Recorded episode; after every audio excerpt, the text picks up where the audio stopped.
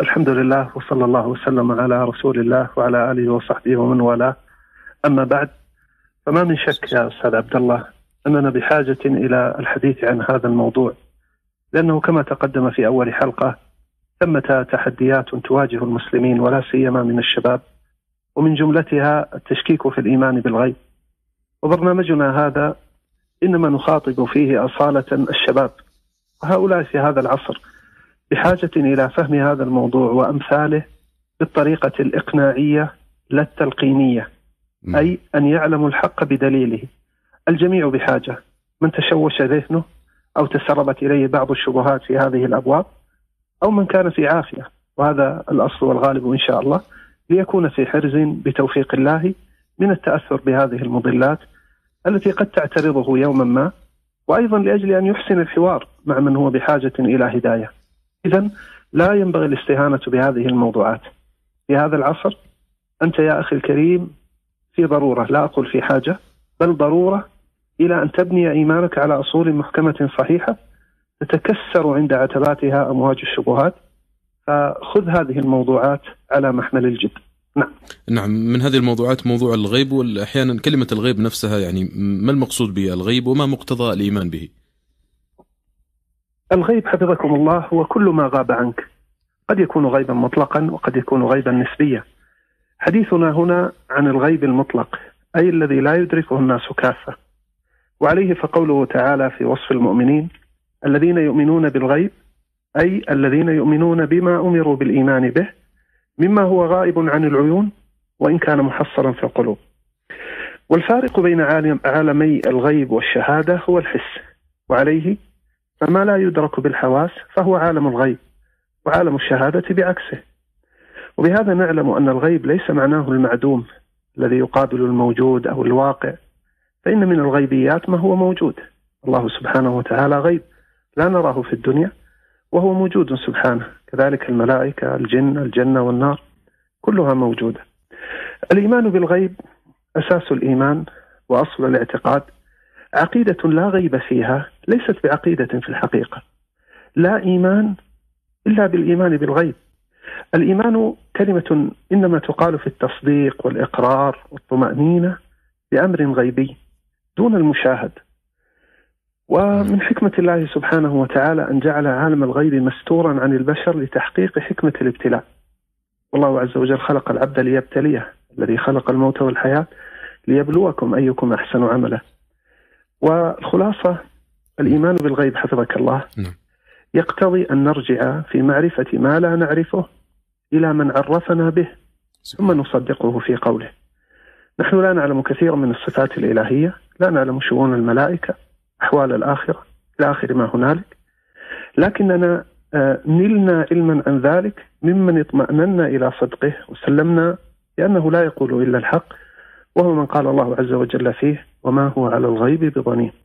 هو محمد بن عبد الله صلى الله عليه وسلم. نعم نعم. شيخنا يعني في القرآن الكريم نجد الكثير من الحديث عن الكثير من الغيبيات ولعل هذا من تسهيل الله سبحانه وتعالى على المؤمن أن يعني يفهم مسألة الغيب ويقرب له آه، كثيرا من يعني الأمور الغيبية التي لم يشاهدها ولم تدركها حواسه. فلو نتحدث عن هذه النقطة. ما من شك أن الله سبحانه وتعالى سهل لعباده معرفة شيء عن الغيبيات والإيمان بها وعانهم على ذلك.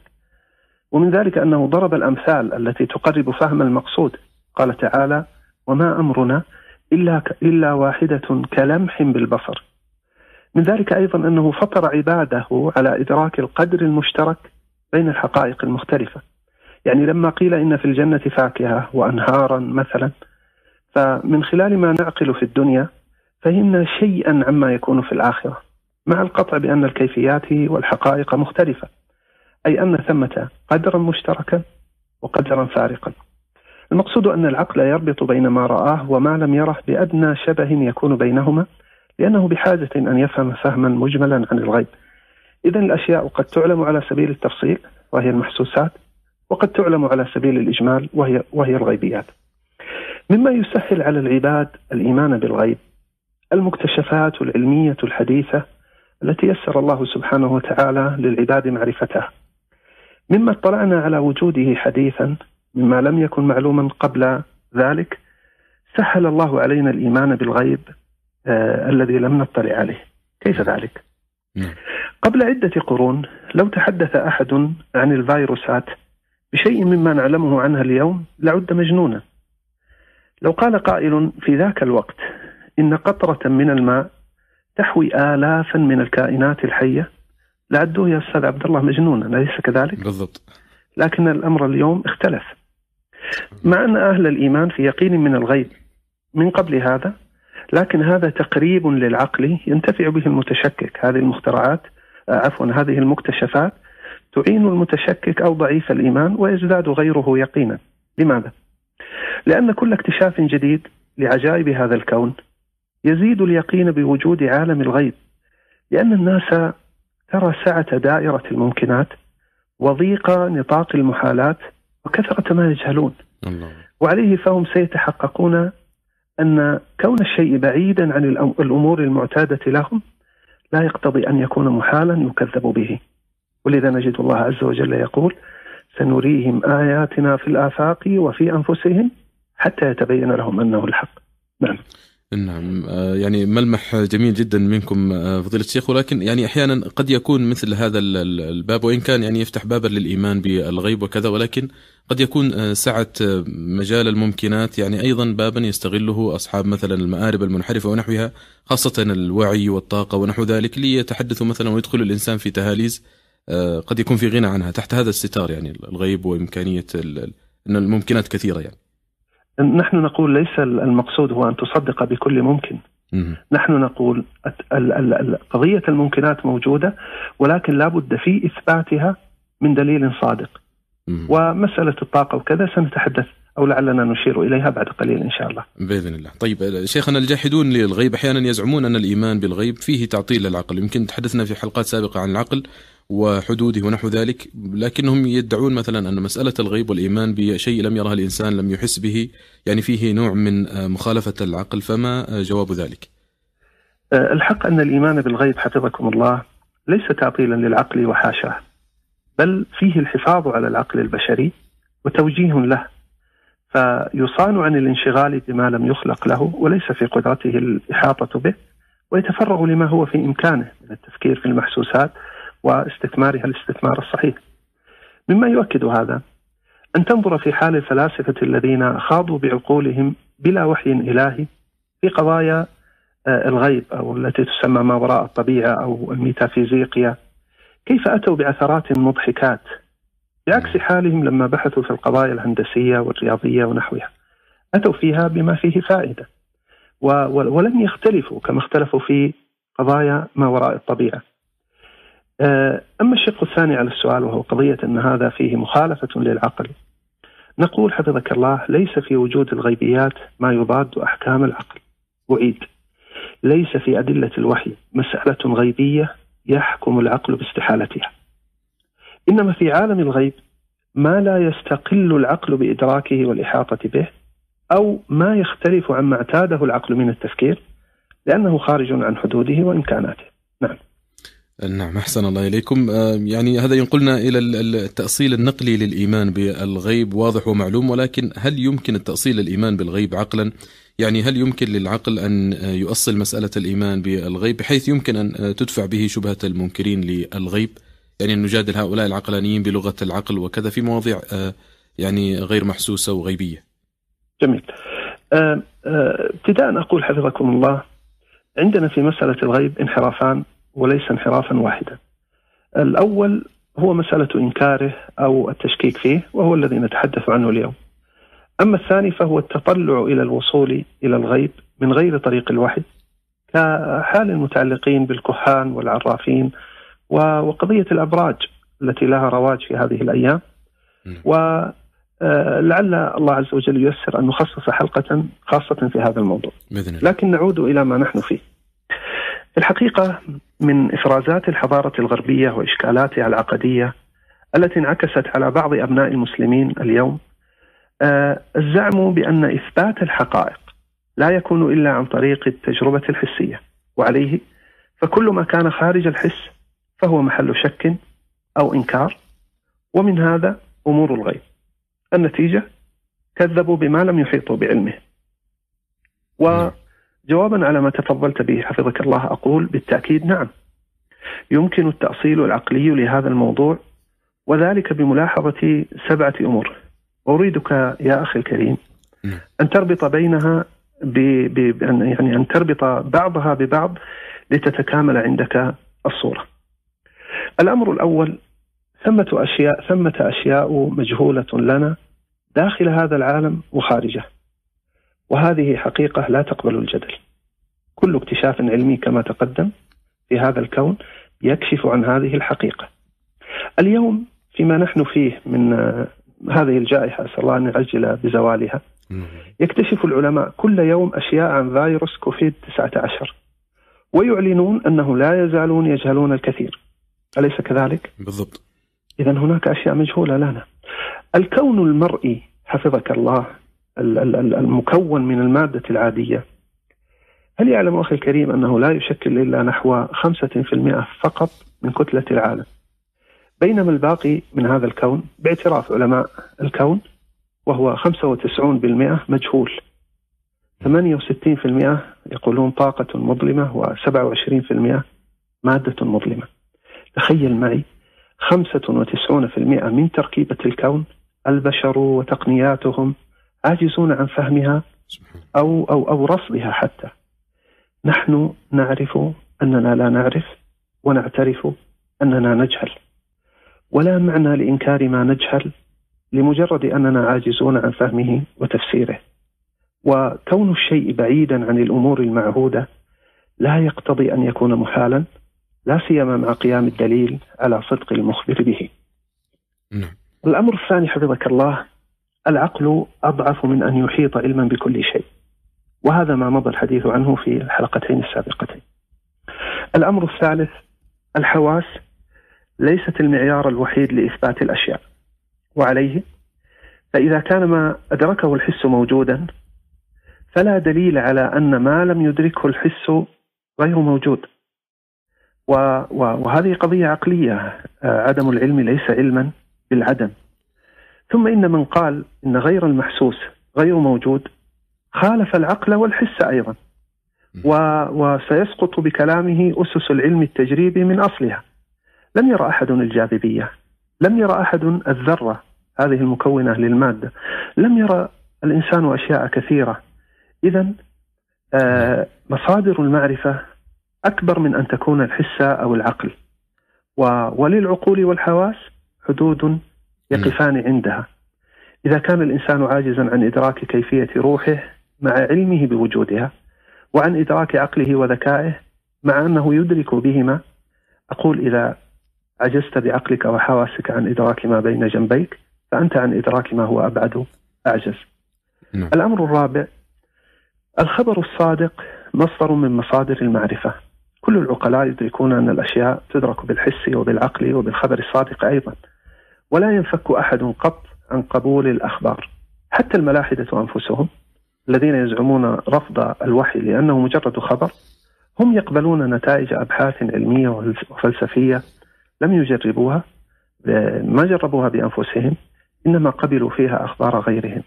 الأنبياء عليهم الصلاة والسلام دلت الأدلة القطعية اليقينية على أنهم صادقون مبرؤون من الكذب وخبر الصادق واجب القبول. فإذا أخبرونا عن الغيبيات وجب قبول أخبارهم ومن أنكرها فبغير حجة. الأمر الخامس ليس في أخبار الغيب ما يضاد أحكام العقل. وهذا كما بينته قبل قليل. آه، في يتضح أن كل الغيوب المخلوقة التي آه، وجدت أو التي ستكون ممكنة في نفسها وليست مستحيلة عقلا وعليه فإنكارها أيضا إنكار بلا حجة. الأمر السادس الوحي معصوم والعقل غير معصوم والمعصوم مقدم على غير المعصوم وهذا فيما للعقل فيه أدراك إدراك فكيف بما ليس للعقل فيه إدراك كأمور الغيب؟ إذا واجب أن يسلم للوحي فيها ومن أقصى الوحي فإنه سيضل ويحتار. منصب التحكيم يا أستاذ عبد الله لا نعم. يحتمل الفراغ والشغور إما وحي معصوم أو عقل غير معصوم. فأيهما أولى بالاحتكام إليه والتسليم له عند المنصف؟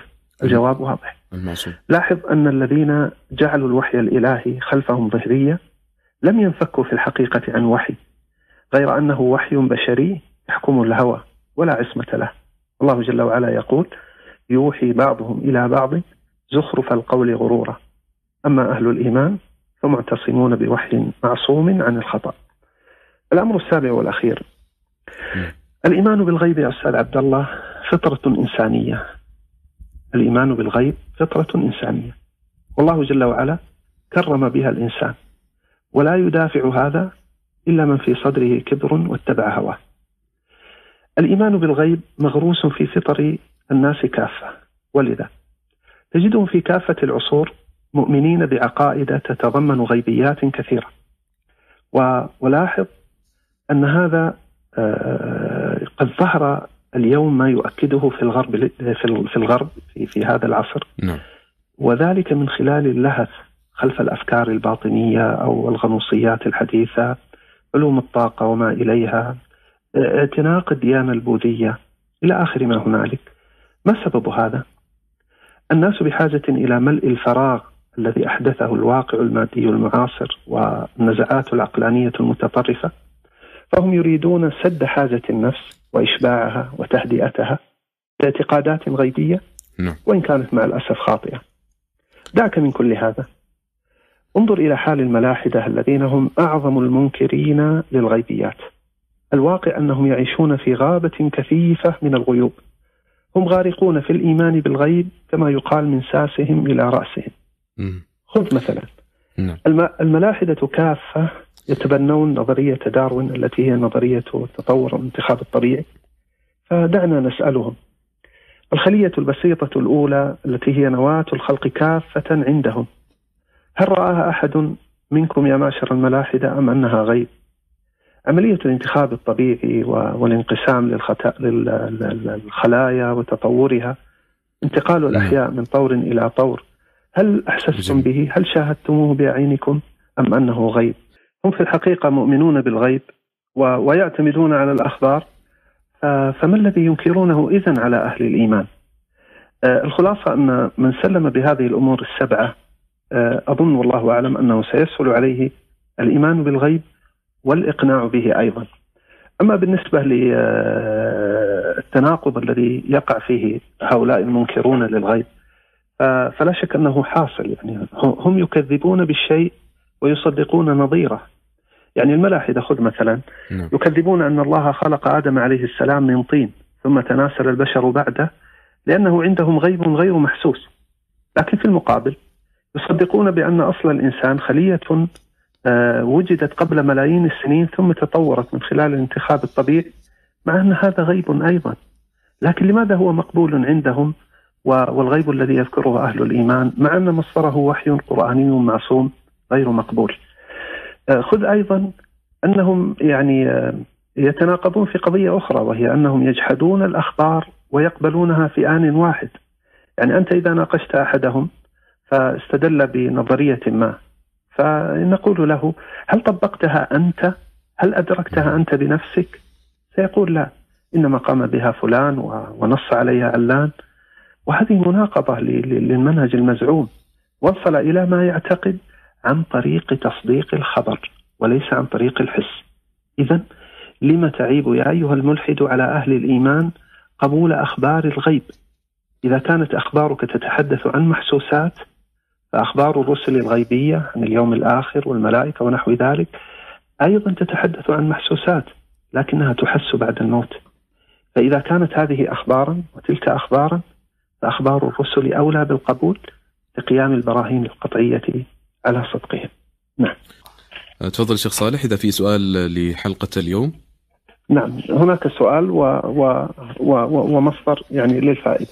نعم. أما السؤال فهو كيف يمكن التأصيل للإيمان بالغيب عقلا؟ آه، إن أحببت أن أذكر بهذه الأمور السبعة على سبيل الإجمال. جميل تفضل. أولا ثمة أشياء مجهولة لنا داخل العالم وخارجه. ثانيا العقل أضعف من أن يحيط علما بكل شيء. ثالثا الحواس ليست المعيار الوحيد لإثبات الأشياء. أربعة الخبر الصادق مصدر من مصادر المعرفة. الأمر الخامس ليس في أخبار الغيب ما يضاد أحكام العقل. الأمر السادس الوحي معصوم والعقل غير معصوم. الأمر السابع الإيمان بالغيب فطرة إنسانية. أما الفائدة التي أتمنى أن يراجعها آه، المستمع والمستمعة الكريمة تيسير اللطيف المنان في خلاصة تفسير القرآن للشيخ ابن سعدي رحمه الله. هذا الكتاب العظيم. أوصي بمراجعة آه، صحيفتين أو ثلاث منه من 231 إلى 233 أيضا موضع يسير في في للشيخ السعدي أيضا في كتابه تفسير اللي هو تيسير الكريم الرحمن في صاد 40 عند تفسير قوله تعالى الذين يؤمنون بالغيب. شكر الله لكم فضيلة الشيخ الأستاذ الدكتور صالح بن عبد العزيز سندي الأستاذ بقسم العقيدة بالجامعة الإسلامية ضيفا كريما لهذا البرنامج. وأنا أشكركم وأشكر الإخوة المستمعين. في أمان الله. في أمان الله. السلام عليكم.